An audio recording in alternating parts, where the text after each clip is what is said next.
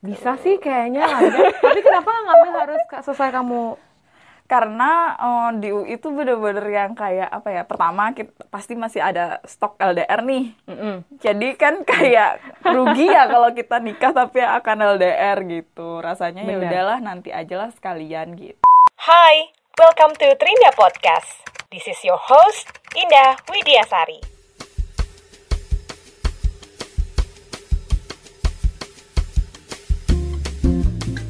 Oke, makasih buat kalian yang udah memilih Trinda Podcast buat eh, kamu dengerin hari ini.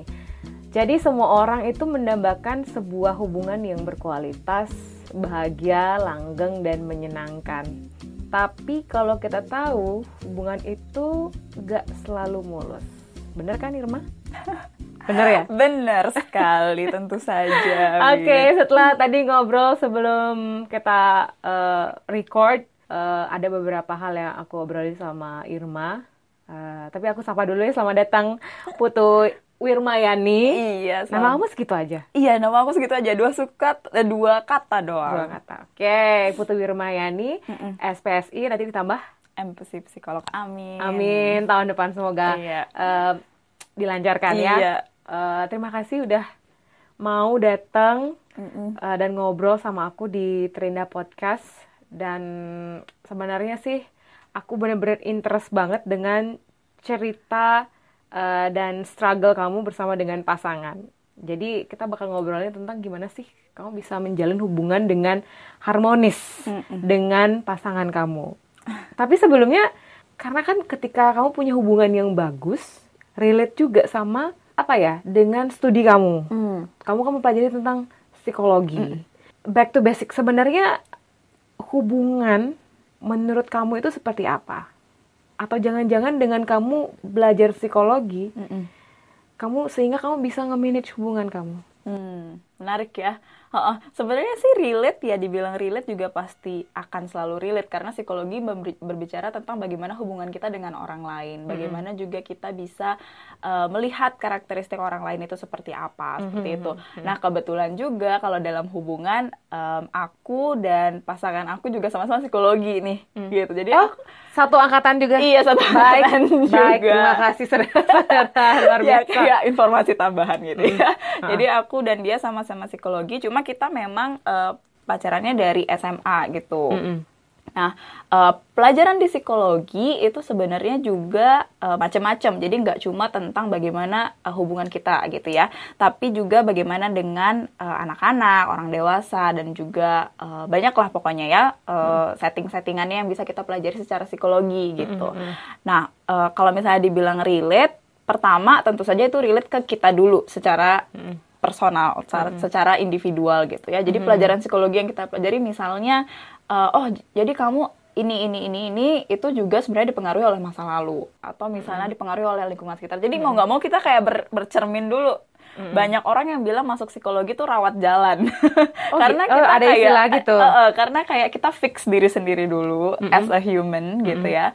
Kemudian baru kita bisa membantu orang lain gitu. Jadi masuk psikologi di S1 di awal itu ya termasuk salah satu cara untuk kita memperbaiki diri kita sendiri dulu. Kemudian kalau kitanya sudah bagus itu pasti sesama pasangan kah, sesama teman, sesama keluarga itu pasti juga otomatis akan jadi bagus juga karena kitanya sendiri udah bagus gitu. Maksudnya se- sehat secara mental gitu. Mm-mm. Terus kalau hubungan dari segi teori itu apa sih maksudnya? Mm-mm. Kalau orang kan bilang, tadi kan kalau karena topik kita kan hari ini hubungan yang harmonis. Nah, orang pasti berpikirnya hubungan harmonis dengan pasangan aja. Nah, sebenarnya hubungan itu atau relationship itu apa sih artinya? Iya. Irma. Iya, kalau relationship sebenarnya nggak cuma dengan pasangan ya. Kalau orang mikirnya in relationship, wah pasti punya pacar baru nih. Iya, atau langsung eh, dikepoin biasanya. langsung kepo siapa nih pacar barunya. Padahal relationship itu artinya kan hubungan ya. Hubungan itu bagaimana kita berelasi dengan eh, orang lain. Pun sebenarnya kita juga bisa bilang eh, relationship itu apa ya? Tidak cuma mungkin akan semakin ke sini orang juga akan punya hubungan yang erat gitu ceritanya tentang dengan makhluk hidup mm. lain gitu ya. Siapa tahu punya kedekatan dengan binatang peliharaan. Mm. Siapa tahu punya merasakan kedekatan uh, dengan uh, tanaman sekarang lagi hits kayak gitu ya. Mm. Tapi memang uh, tidak hanya dengan pasangan mm. gitu. Jadi relationship itu sebenarnya bagaimana kita sebagai makhluk sosial kita perlu untuk hmm. membangun hubungan gitu. Hmm. Tidak bisa dipungkiri walaupun aku gak suka deh berhubungan, aku sukanya sendiri, tapi tetap kita sebagai makhluk sosial pasti ada kebutuhan itu. Hmm. Gitu. Jadi itu termasuk kebutuhan kita yang uh, dasar uh, jadi di dasar itu ada uh, kayak kita butuh makan, kita butuh uh, tempat berlindung, tapi kemudian kita juga punya kebutuhan untuk bersosialisasi gitu, hmm. sebagai makhluk sosial. Oke. Okay berarti itu itu memang sudah takdir kita mm -hmm. akan sosialisasi dengan orang-orang sehingga iya. jika nantinya kita akan punya hubungan terus ketika kita memutuskan untuk ingin membuat suatu hubungan menjalin suatu hubungan ini mm -hmm. ini lebih ke aku pengen punya sahabat aku pengen mm -hmm. punya pacar iya. aku iya. pengen punya apalagi ya kedekatan yang baik dengan orang-orang di tempat kerja iya. apa sih yang dibutuhkan oleh mm -hmm. diri kita untuk memulai itu oke okay, iya ini menarik banget karena um, setiap orang itu pasti uh, sama kurang lebih sama problemnya ya mm. ujung-ujung problemnya adalah aku nggak bisa nih sama orang yang kayak gini mm -hmm. gitu mm. gimana nih mah aku nggak bisa struggle eh aku nggak bisa uh, apa beradaptasi di sini karena yeah. orang-orangnya nih terlalu seperti ini seperti ini mm -hmm. seperti ini gitu ya um, yang harus kita perhatikan sebenarnya adalah kitanya orang yang seperti apa dulu, hmm. gitu. Jadi kita seperti apa. Jadi misalnya ada orang yang aku nggak suka sih sama orang yang cerewet kayak gitu, hmm. karena aku uh, misalnya kenapa kamu nggak suka dengan orang yang cerewet kayak hmm. gitu, hmm. gitu kan? Apakah uh, kamu orangnya uh, tidak terlalu suka berbicara juga mm-hmm. gitu ya sehingga mm. kamu suka dengan orang yang pendiam gitu jadi kamu yeah. harus tahu dulu kamu tuh orangnya seperti apa dan mm. uh, menurutku satu hal yang penting banget kita dalam menjalin hubungan adalah kita harus empati oh, ya jadi kita tahu dulu kenapa nih orang cerewet ya gitu kita kayak hmm. bukan bukan yang langsung ngejudge dia, bukan yang juga langsung beranggapan dia nih orangnya jangan eh, jangan-jangan emang kepribadiannya kayak gini. Nah, itu jadi hmm. kita udah ngejudge duluan nih gitu. Padahal yeah. kita belum tahu apa sih uh, gimana sih dia, kenapa dia berbuat seperti itu. Hmm. Atau mungkin kalau memang sangat-sangat ingin berhubungan dengan dia, misalnya pengen bersahabat dengan dia atau pengen menjalin relasi hubungan romantis misalnya dengan pacar itu ya kita harus tahu dulu dia gitu. Jadi kita nggak uh, langsung bahwa aku nggak cocok sama dia gitu itu yang kadang-kadang orang suka miss yang uh, apa namanya nggak mau menempatkan diri di posisi dia gitu nah untuk membangun rasa empati itu loh mm -mm. kadang-kadang kan orang kalau pengen punya pacar gitu yeah. ya udah dia hanya berpikir bahwa aku tuh harus bahagia dengan dia tapi kalau dia nggak bisa ngebahagiain aku udah saatnya menyelamatkan diri sendiri. Iya. Nah tapi ternyata tadi kamu sebutin bahwa kita tuh harus membangun empati. Mm -mm. Itu bagaimana gimana sih iya. karena aku juga sempet kayak nggak tadi kayak berapa per second ah, berapa mm. tuh aku berpikir oh iya yeah, kayak sempet lost ya nggak tahu apa itu empati mm -mm, betul empati tuh uh, apa istilah yang mirip-mirip dengan simpati cuma mm. artinya sangat berbeda jadi anggapannya gini misalnya ada orang yang uh, nangis gitu misalnya mm. terus kita kayak aduh kasih ya terus kita ikut nangis itu kita simpati sama dia. Oke. Okay. tapi empati kita kayak oke okay, aku ngerti. Ya aku ngerti uh, kamu nangis uh, kamu pasti sedih gitu. Sekarang hmm. kamu cerita kenapa kamu nangis kenapa kamu sedih gitu. Jadi hmm. menempatkan diri di posisinya dia. Tapi bukan berarti kita ikut terbawa dengan emosinya dia Hmm. gitu. Jadi lebih ke kalau dalam bahasa Inggrisnya walking in someone's shoes gitu. Oke. Okay, hmm, ya, jadi ya, kayak ya, kita ya. mengerti nih apa struggle. Kalau kita nggak ngerti kita bisa tanya gitu. Hmm. Karena mungkin struggle orang kan beda-beda. Hmm. Jadi bukannya berarti ah gitu aja nggak bisa gitu ya. Jadi okay. ada sesuatu yang bisa kita uh, harus pahami gitu. Hmm. Dan kita cuma bisa paham ketika kita tahu orang itu seperti apa gitu. Nggak hmm. cuma ego kita sendiri bahwa aku aja bisa kok kok dia nggak bisa sih gitu. Hmm. Aku aja kayak gini ini nggak nangis kok dia harus nangis kayak gitu ya gitu terus terkait dengan uh, pertanyaan Widya tadi juga menarik banget kayak aku nih harus kalau dia nggak bisa bahagiain aku ya udah nggak usah. Nah, nah, first rule kan ada jadi kayak ada ego iya. ego dalam diri kita. Mm -mm. Jadi kalau memang tadi uh, dengan istilah Inggris bahasa Inggris tadi walk in someone's shoes, mm -mm. berarti kan apa ya secara secara uh, secara sadar Iya. kadang-kadang kita itu nggak ngeh gitu loh Mm-mm. dengan hal-hal seperti itu ya Iya. kita maunya ya yang penting kita kitanya sendiri. dulu Iya gitu. benar benar itu em, itu agak gimana ya kalau misalnya kita bikin eh, kita membuat suatu hubungan gitu Mm-mm. sebenarnya mau nggak mau kita juga harus melepaskan ego kita kecuali Ya. kalau misalnya kita mau sendirian ya itu nggak apa-apa ego Ah, itu kita sendiri resep berarti ya Iya. empati terus tadi melepaskan melepaskan ego kita sendiri. Oh, Kadang-kadang gitu. aku juga suka mikir kayak Hmm. aku nggak suka banget nih diginiin. Cuma Hmm. kan kalau relationship itu take apa ya kayak aku nerima, aku juga harus memberi Hmm, gitu. Jadi iya, iya. kalau dia maunya kayak gini, aku maunya kayak gini ya kalau sama-sama ego sendiri ya kapan selesainya gitu Iya, kan. iya, iya. Jadi memang harus Oke. lebih negosiasi gitu. Aku maunya Hmm. kayak gini, oke turunin dikit bisa nggak? Yang sesuai dengan ekspektasi Iya, iya, dia iya. gitu. Tapi Oke. bukan berarti kita harus mengalah atau dianya yang harus mengalah, as in Hmm. pacar atau sahabat atau keluarga ya. Tapi Iya, iya. proses negosiasi itu yang penting banget nih gitu. Karena Mm-mm. kalau misalnya kita mau berhubungan dengan orang lain ya kita harus eh, sama nih tujuan kita apa gitu. Mm-mm. Apa yang kita suka tuh apa gitu. Kamu nggak suka ini, oke. Aku coba mengerti kenapa kamu nggak suka itu. Mm-mm. Itu sebenarnya sih memang harus diomongin aja sih. tapi eh, ah, kok tapi tapi mulu iya benar jadi kayak akan muncul lagi perma- apa ya hal yang ingin aku tanyakan Mm-mm. kalau eh, ini masih ke gini ya ini belum ke bagaimana membina sebuah hubungan ya Iya. tapi apa sih yang harus kita miliki untuk memutuskan sebuah hubungan nah kalau kita lihat sekarang di media sosial Iya. em, orang-orang itu lebih sering mengekspos sebuah hubungan gitu kan Mm-mm. entah itu hubungannya romantis hubungan yang saling ejek mengejek tapi sayang Iya. gitu apakah hubungan itu harus dilakukan seprofesional tadi yang kamu sebutin dengan rasa empati, kemudian juga ada ada apa ya fase negosiasi Mm-mm, eh, dan juga menurunkan ego. Apa memang murni sebuah apa ya sebuah hubungan itu harus romantis Mm. tanpa ada profesionalitas dalam menjaga hubungan tadi dengan ada empati, eh, menurunkan ego dan negosiasi. Mm-mm. Em, iya sih ya agak mungkin terkesan kayak aduh serius banget nih hubungan Nah, kita bukan ya. kan ya kan Ka- jadi kadang bingung kok kita nggak bisa romantis ya saking Mm-mm. saking ingin mengerti iya perasaan oh, oh, orang bener banget bener banget karena eh, mungkin dengan istilah seperti itu Hmm. kita juga yang kayak apalagi yang masih cimit-cimit gitu ya kayak Iya. aku mungkin masih SMA atau mungkin baru masuk kuliah kayak Iya. hal itu aduh apa sih nggak perlu gitu ya Hmm. rasanya gitu cuma memang eh, seperti yang tadi itu memang bagaimana akhirnya kita bisa saling paham dan menghindari konflik gitu Hmm. cuma bagaimana kita mengemasnya itu nggak harus yang kayak ayo duduk bareng nih duduk dulu kayak Oh, duduk iya, sini iya, kita iya. bicara bukan yang yang lebih kayak gitu tapi Hmm. lebih yang ketika misalnya even even itu pacar atau mungkin sahabat ketika memang lagi ada masalah itu bukan yang langsung pergi tiba-tiba gitu aja Mm-mm. gitu kan. Kayak ih kok dia pergi nggak ngajak-ngajak aku? Itu simple simple banget nih. Misalnya geng Iya. nih berlima gitu Iya, ya. iya, iya. terus Iya.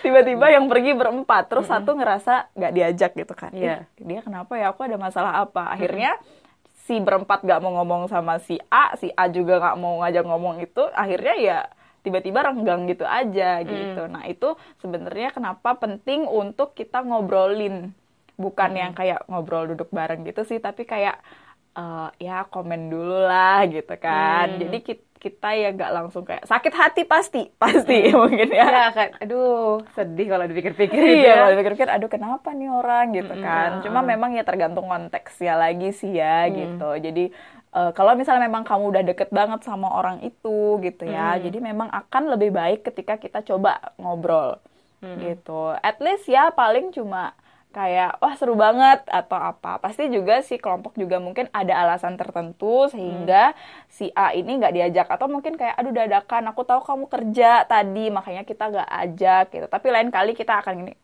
selesai gitu ya Hmm. lain kali kita pergi berlima lagi gitu Iya. ya oh berarti dia paham jadwalku Mm-mm. karena aku kerja. Kalau misalnya aku diajak pun sepertinya aku akan menolak gitu ya. Iya, Mungkin tapi akan ada porsi kesalahan dari masing-masing pihak. Cuma ketika diomongin tuh akan Iya. kayak enak gitu rasanya. Iya, kekuatan sebuah komunikasi. Iya, betul banget. Eh, apakah hanya apakah komunikasi itu selalu menjadi jembatan untuk memperbaiki sebuah hubungan?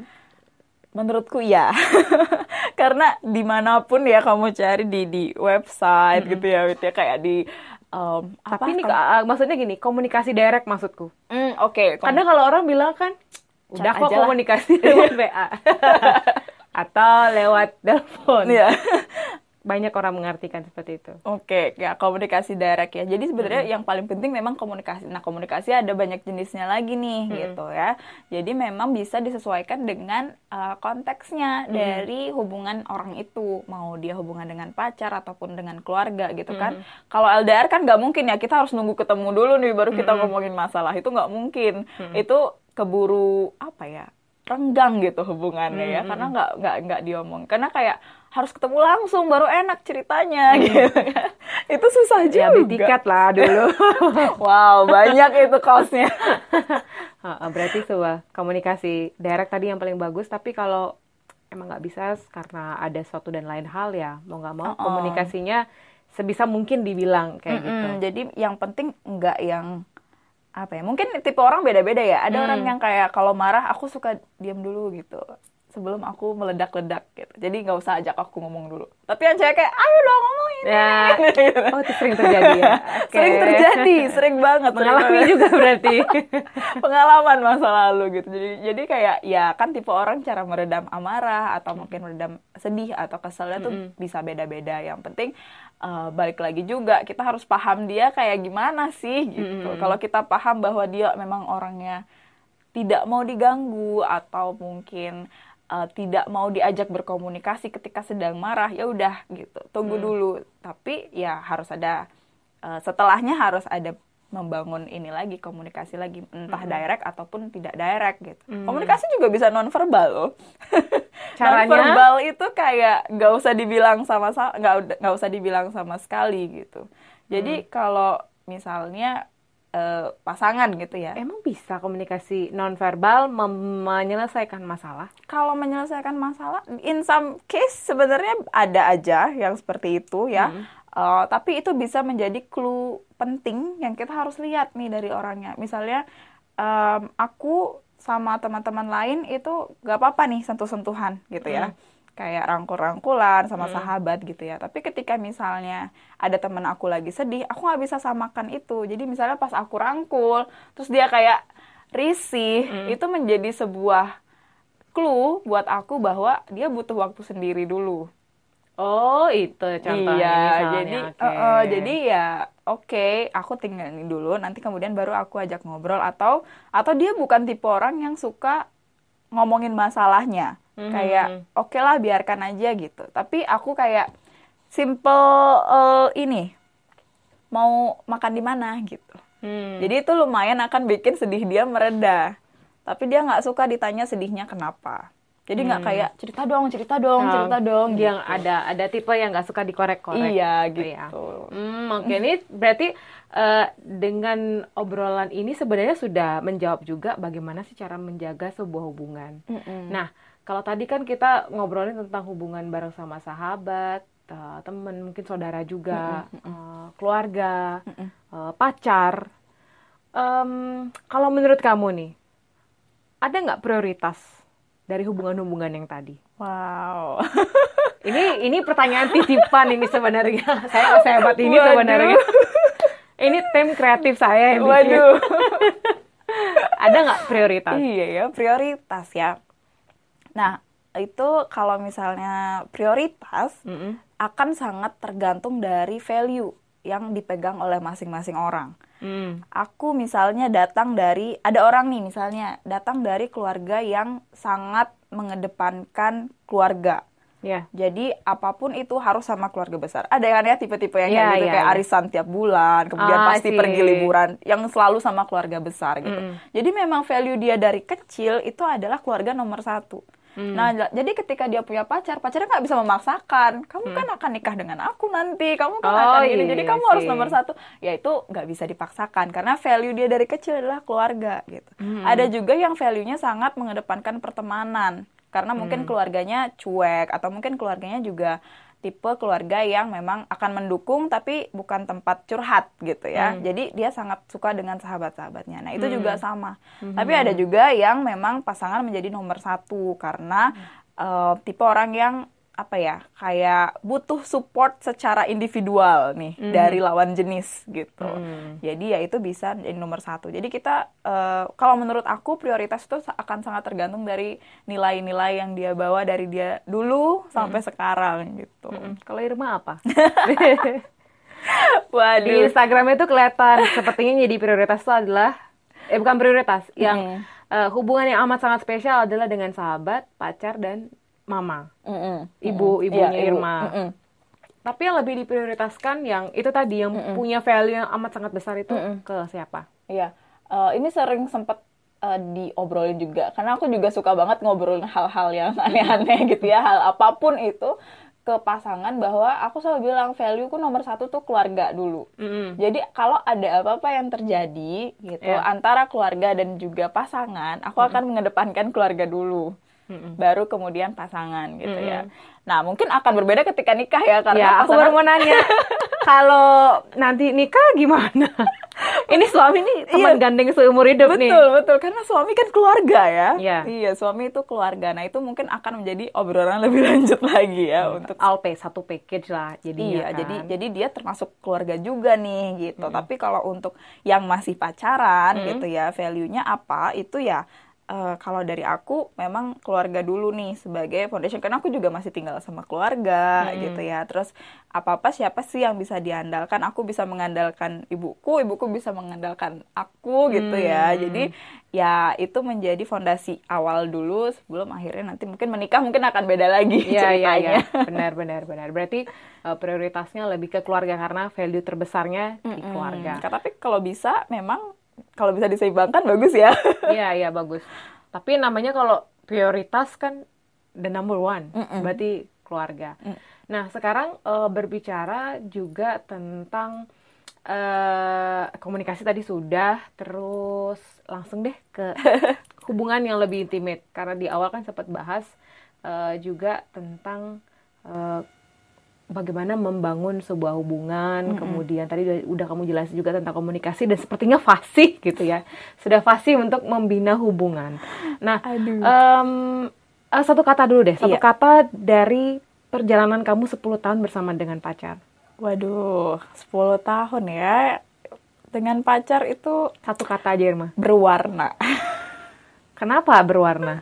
berwarna karena ya kalau misalnya hitam putih gitu kan kayak plain gitu ya. Hmm. Terus eh, biasa gitu. Nah ini tentu saja akan ada warna merahnya, ada warna kuningnya, ada warna hijaunya. Jadi memang ada banyak emosi, ada banyak eh, hal yang terjadi yang mungkin orang mungkin lihatnya yang happy happy aja tentu saja karena kan nggak mungkin ya aku cerita Ya. kayak aku berantem atau aku begini aku begitu gitu. Jadi yang itu keep private aja gitu. Mhm. Tapi pastinya ak- selalu ada naik turun di situ sih. Eh, tadi berarti dengan satu kata berwarna macem-macem segala emosi segala apa pun kejadian itu kalian lalui bersama Eh, kayaknya soal studi juga bareng Iya.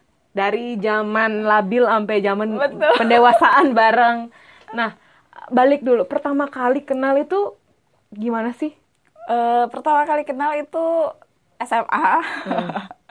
SMA, kemudian dia waktu itu kakak kelas. Nah, masih siswa oh 2010 berarti baru setahun i- eh, iya, ha- aku tahun SMA ya Aku kelas 2 ya. Ya, aku kelas oh berarti 2. semester satu kelas 2 Iya. Hmm. terus dianya tuh kelas 3. Mm-mm. Nah, jadi eh Kak Dodi kelas 3 Iya, jadi kita sebenarnya beda angkatan. Terus Hmm. eh, akhirnya kuliahnya dia sempat kuliah di tempat lain dulu. Mm-mm. Habis itu dia ngulang lagi karena emang pengennya psikologi gitu. Jadi ngulang setahun. Oh. Hmm, gitu. Jadi akhirnya makanya kenapa kita seangkatan waktu kuliah. Oke, gitu. iya iya. Ketemunya iya. karena ya karena satu ekstra bareng, Hmm. ya satu ekstra bareng. Terus eh Tapi kalian kelihatan seumuran, sumpah. Aku kira Irma percepatan apa Kak Dode yang nggak kuliah? Udah dah nanti tanya aja langsung. aku kelas biasa SMA kelas biasa, Ah. dianya yang ngulang setahun karena emang pengen psikologi gitu ya. Terus eh, waktu itu sempet sempet akhirnya nggak dapet psikologi, terus kuliah hukum ngejalanin satu tahun eh, lanjut lagi ya terus di situ. eh, eh, lanjut coba lagi psikologinya Mm-mm. kalau misalnya emang lolos mau ambil psikologi kalau nggak ya lanjutin aja hukumnya gitu Oh gitu. Mm-mm, Oke. terus, mm-mm, Terus, dapet. balik tadi satu ekstra. ya satu ekstra ya udah gitu karena temen ya teman biasa gitu. Karena satu ekstra sering bareng. Sebenarnya sama semuanya sih sering bareng. Mm. akhirnya ya deket gitu. Siapa yang deketin? ini sebenarnya ceritanya lucu juga sih. Gimana ya ceritanya? Atau jangan-jangan kalian deketnya gara-gara apa sih dulu zaman apa BBM? BBM Ya. ya itu masih ada sih zaman itu BBM jadi lebih karena kita deket secara kayak temen dan aku juga sebenarnya banyak punya teman-teman cowok waktu itu. Mm-mm. Em, cuma dia kayak tipe orang yang bener-bener eh, apa ya deketnya tuh kayak care gitu-gitu kan. Habis itu tapi eh, waktu itu apa ya kayak gimana ya ceritanya ya jadi waktu dulu tuh waktu SMA Hmm. eh, waktu kita deket deket biasa nih bukan yang deket mau pacaran itu dia aku ada suka sama orang dia juga sempat suka sama orang Oh, gitu kan gitu, tapi ah. terus kita suka curhat gitu Ah, kayak curhatnya berdua. Iya. Tapi tuh waktu itu belum belum pacaran. Maksudnya dia juga Ah, belum pacaran, aku iya. belum pacaran. Sering juga. mengkomunikasikan perasaan satu sama Iya, lain betul. yang suka sama masing-masing Mm, Ah, gitu. Terus akhirnya kok kayak nggak nemu yang kayak dia gitu, care-nya. Dianya juga kayak gitu. lucu deh pokoknya. Terus pada akhirnya Terus pada akhirnya kita kayak oke kalau gitu coba deh kita eh, apa namanya? Kalau kita aja gimana gitu. Maksudnya kayak lucu kayak zaman SMA berarti ya. ekspektasinya dulu itu berarti dulu nggak ada ekspektasi bakal bareng. Gak ada, karena emang sedekat kayak sahabat gitu. Itu eh, berarti ketika kalian curhat-curhatan itu sudah sekaligus PDKT. Eh Iya dong, Susah berarti ya dibilang iya kali ya Iya. iya karena emang udah deket banget gitu waktu curhat-curhatan itu Hmm, begitu. Terus ngomongin soal ekspektasi, ketika itu kan langsung jalan-jalan aja, kayak tanpa ada mungkin belum ada peresmiannya resmi. Eh kita gini ya, Mbak. iya Nggak ada. Nah, ketika berjalan nih hubungan berjalan, ketika kalian punya masing-masing punya ekspektasi, Mm-mm. terus ternyata kamu mikirnya gimana, dia mikirnya gimana, Mm-mm. itu gimana sih cara mengkolaborasikannya? iya itu berat banget sih menurutku itu yang paling apalagi sorry Berat, aku potong mm. lagi karena kan kalian di awal itu semacam kayak kamu aja seperti kayak bingung ini mau aku PDKT-nya kapan sih iya bener nah kan di pertengahan itu pasti ada ekspektasi-ekspektasi yang muncul gitu. Iya apalagi waktu SMA kan mungkin kayak lihat teman-teman pacaran apa pacaran tuh harusnya kayak gini ya gitu. Iya, bener, Oh, oh, jadi kok kita kayak biasa aja gitu Hmm, cuma hmm, hmm. kayak ngerasa ada perubahan status tapi ya nggak nggak nggak terlalu berubah juga. Nah Ah, itu ah. ekspektasinya kita masing-masing tuh beda. Jadi tuh lumayan ada pergejolakan gitu sih kayak dia maunya apa. Nah itu masih ego tinggi masing-masing. Zaman-zaman SMA dan juga kuliah awal-awal tuh egonya masih tinggi gitu. Untuk mengkolaborasikan itu sebenarnya harus negosiasi. Cuma Waktu waktu, itu- itu, kita belum pintar negosiasi. Uh-uh. jadi masih suka kayak eh marah. Ya udah satunya ngalah. Terus satu marah satunya mengalah. Jadi waktu mengalah satu pihak yang mengalah itu nggak nggak apa ya tidak bisa mengkomunikasikan keinginannya apa. Karena lebih baik ya udahlah ngalah aja daripada berantem. Mm-mm. akhirnya waktu itu satu yang bikin bertahan adalah sabar.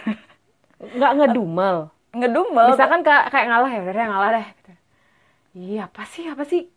Ketika itu kan apa emosinya naik turun. Mm-mm. itu nggak nggak dendam nggak ngedumel kayak ih orang ini ih gitu. Iya. kayak pasti gitu. pasti ada kayak gitu. Cuma dalam- kelihatan ya da- dan dalam sebenarnya dalam perjalanan kita berhubungan itu pasti bukan cuma satu aja yang berbuat salah Hmm. jadi bisa aja aku ngedumel kenapa sih dia orangnya kayak ini ternyata entarnya aku yang berbuat salah kan jadi dia yang kayak Ya. mikir kok aku kayak gitu Ah, ya ah, ah. gitu jadi akan selalu sama gitu porsinya porsi kesalahan kita masing-masing jadi mau nggak Hmm. mau kita ngalah gitu Hmm. kita ngalah aja karena toh juga aku pernah melakukan kesalahan seperti itu untung sadar ya iya kayaknya emang emang takdir kalian bisa saling menyadarkan satu sama lain Bener, itu sih saling menyadarkan. Terus makin ke sini makin mungkin makin capek ngalah gitu ya, kayak kenapa sih kamu maunya kayak gini gitu. Padahal aku maunya kayak gini gitu. Terus jadi yang kayak emang maumu kenapa kayak gitu tuh kenapa pengen kayak gitu gitu Hmm. misalnya. Si, eh, misalnya ini deh, apa ya? Sibuk itu kan menjadi masalah semua orang ya. Iya. Satunya tuh sibuk banget, entah sibuk organisasi, entah sibuk kuliah, entah sibuk main game, pokoknya sibuk. Iya, iya. Satunya susah lah pokoknya iya gitu. susah ya. Terus satunya lagi pengen diperhatiin. ya Mm-mm. Nah itu kemudian ya satu caranya ya harus mengerti. ya Kalau misalnya satunya tetap dikasih tahu gak ngerti-ngerti, nah itu baru kemudian kita pantas marah. Hmm. Karena oke negosiasinya apa? Bu- Ya bukan negosiasi ya terkesan profesional ya, tapi lebih ke apa ya? Kamu mau kayak masih win-win solutionnya Iya, win-win solutionnya. Lebih ke kamu mau pertahanin hubungan ini enggak gitu. Kalau mau, Mm-mm. Aduh deg-degan langsung jadi deg-degan. Kalau mau kan Mau. biasanya tuh biasa ya cewek-cewek ngancem-ngancem putus gitu ya. Iya. Kalau masih mau lanjut, boleh main tapi kayak berapa lama gitu. Atau sibuknya nggak apa-apa sibuk, at least kabarin. Nggak yang satu hari hilang gitu. ya ya ya oke Jadi kayak kabarin cukup nggak? Kalau merasa cukup, ya udah kita nggak boleh marah juga ketika dia pergi seharian karena kita udah bilang ngabarin aja cukup gitu. Hmm, oke. Proses sabar, terus Iya. win-win solution tadi. Ah, memang eh, berarti kalian berdua itu menjalani hubungan yang cukup panjang. eh, ini sekaligus belajar untuk mengetahui satu sama Iya, lain, mm-mm. saling menyelami, mengarungi samudra berdua. Wah, Aduh bahasanya. setelah kalian eh, apa ya, ya permasalahan intrik-intrik sebuah hubungan Mm-mm. itu eh, kapan sih waktu ketika kalian berdua tuh ngerasa kalian tuh sudah stabil gitu?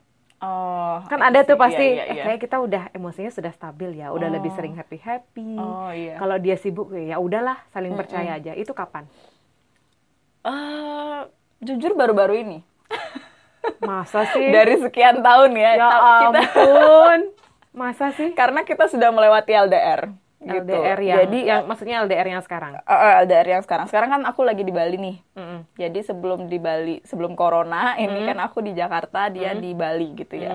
Nah, melewati LDR itu sebenarnya ini juga aku nggak terlalu expert di bidang ini ya. Cuma aku sering nanya temanku yang udah kayak berapa tahun LDR dan baik-baik saja bahkan sampai nikah. em, aku suka nanya juga sama dia gitu. Nah, Iya. itu eh, ketika dibilang bahwa jarak itu nggak masalah gitu ya. Nah, ketika bertemu itu jadi happy happy ya. Kemudian eh, ketika ada masalah, kalau LDR apalagi kan jadi kayak nggak bisa ketemu gitu ya. Gimana cara ngungkapin kalau kita lagi marah gitu kan?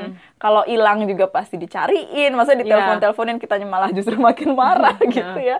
Eh, jadi di sana belajar bahwa oke daripada aku sakit hati dengan hal-hal sepele kayak gini, dianya juga capek, misalnya pulang kerja terus harus harus apa ya ngurusin masalah yang harus telepon gitu. Jadi lebih kayak oke ya udahlah ini masalah kecil, ini masalah kecil kalau misalnya bisa kita selesaikan sendiri dulu misalnya, oke.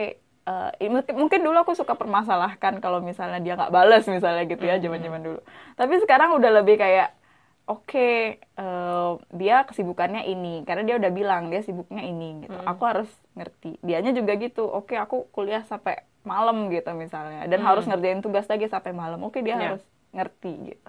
Nah akhirnya ketika selesai LDR dan aku di Bali kita jadi sangat apa ya senang akhirnya walaupun sibuk tapi bisa ketemu at least gitu. Hmm. jadi itu menjadi sangat apa ya eh, menurutku baru sekarang ini mungkin kemarin-kemarin juga tapi sekarang kita lebih oke kalau ada masalah nggak yang lebih kayak- chill. lebih chill gitu lebih santai Mm-mm, ya kan dengan adanya LDR tadi. Mm-mm.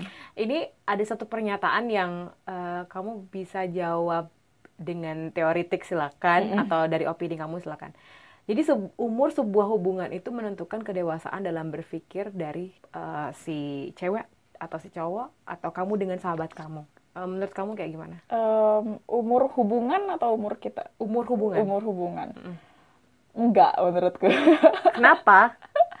karena eh, makanya ini kenapa juga kita selalu maksudnya ketika orang bilang eh eh, kamu cocok banget deh jadi cocoknya itu bukan karena dia udah berapa lama bukan karena Hmm. karena aku lihat sekarang dia oke banget nih pasangan ini oke banget gitu karena ketika umur hubungan kalau dia udah lama ada yang namanya kita terlalu nyaman nih sama orang ini jadi kita nggak mau bertumbuh Ya, ya. jadi ketika dilihatkan oleh suatu yang beda ada hal beda gitu ya Maksudnya ada problem yang kita lihat kok dia tumben. Iya, kok dia gitu ya? kok dia tumben kayak gini Hmm. atau misalnya tiba-tiba pisah sebentar aja atau mungkin eh, ikut program eh, Apa gitu ke ya? luar negeri kayak keluar kota kayak padahal cuma sebentar.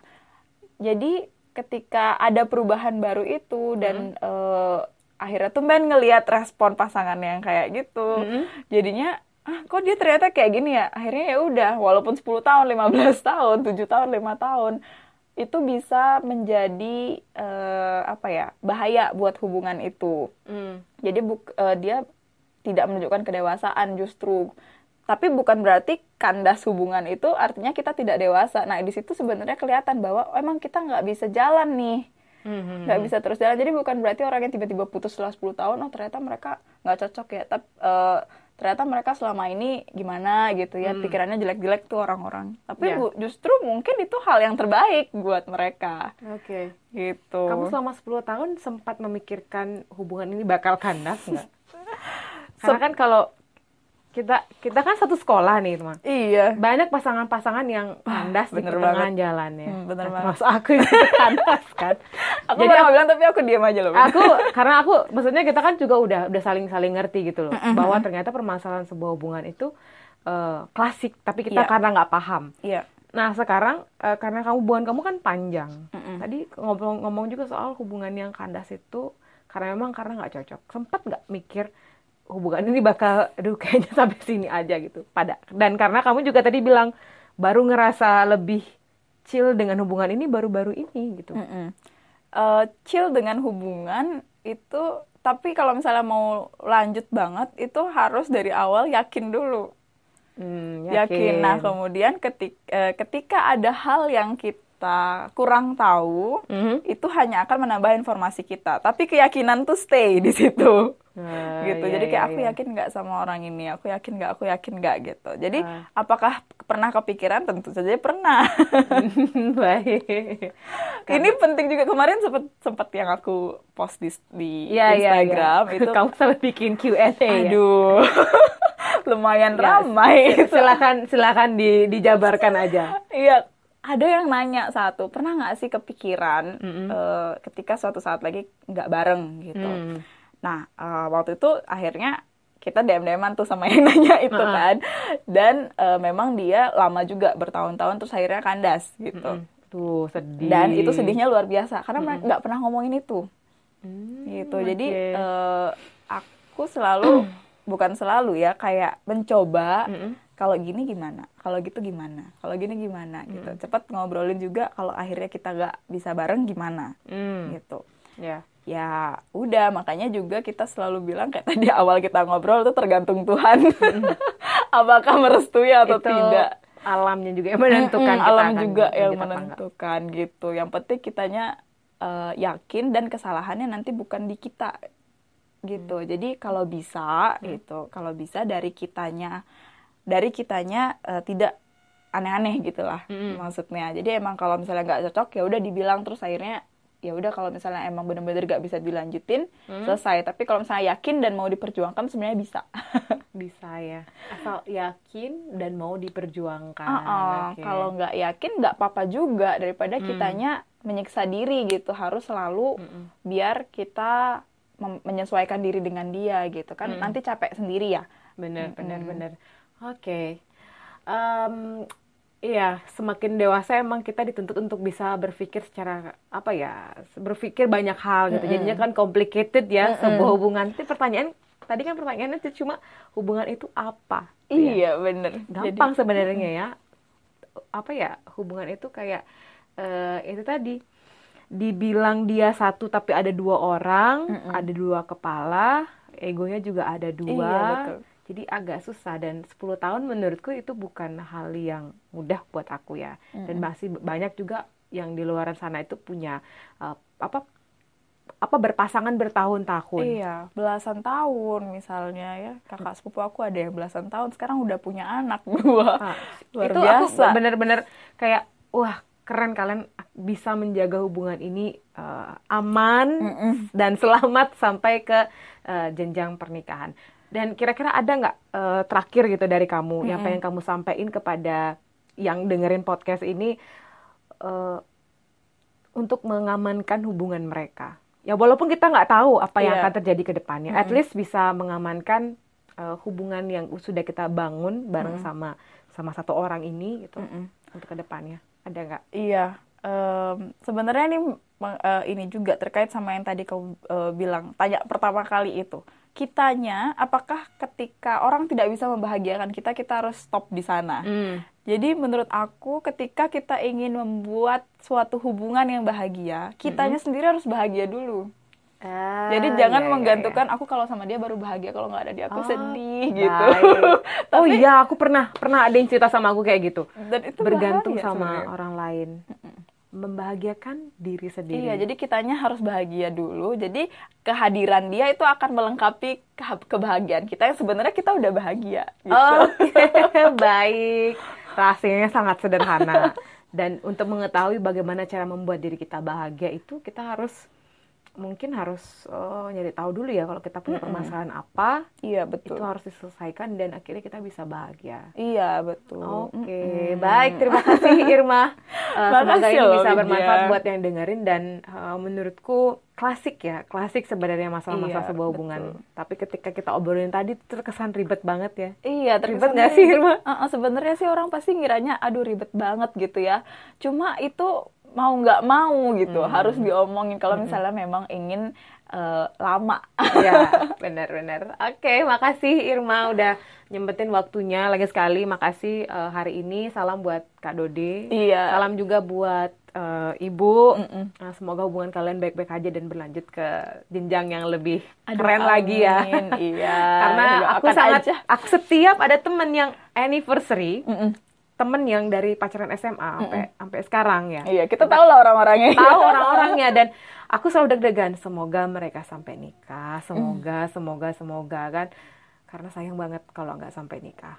Ya, semoga ya. Semoga orang beda-beda soalnya ya. Iya.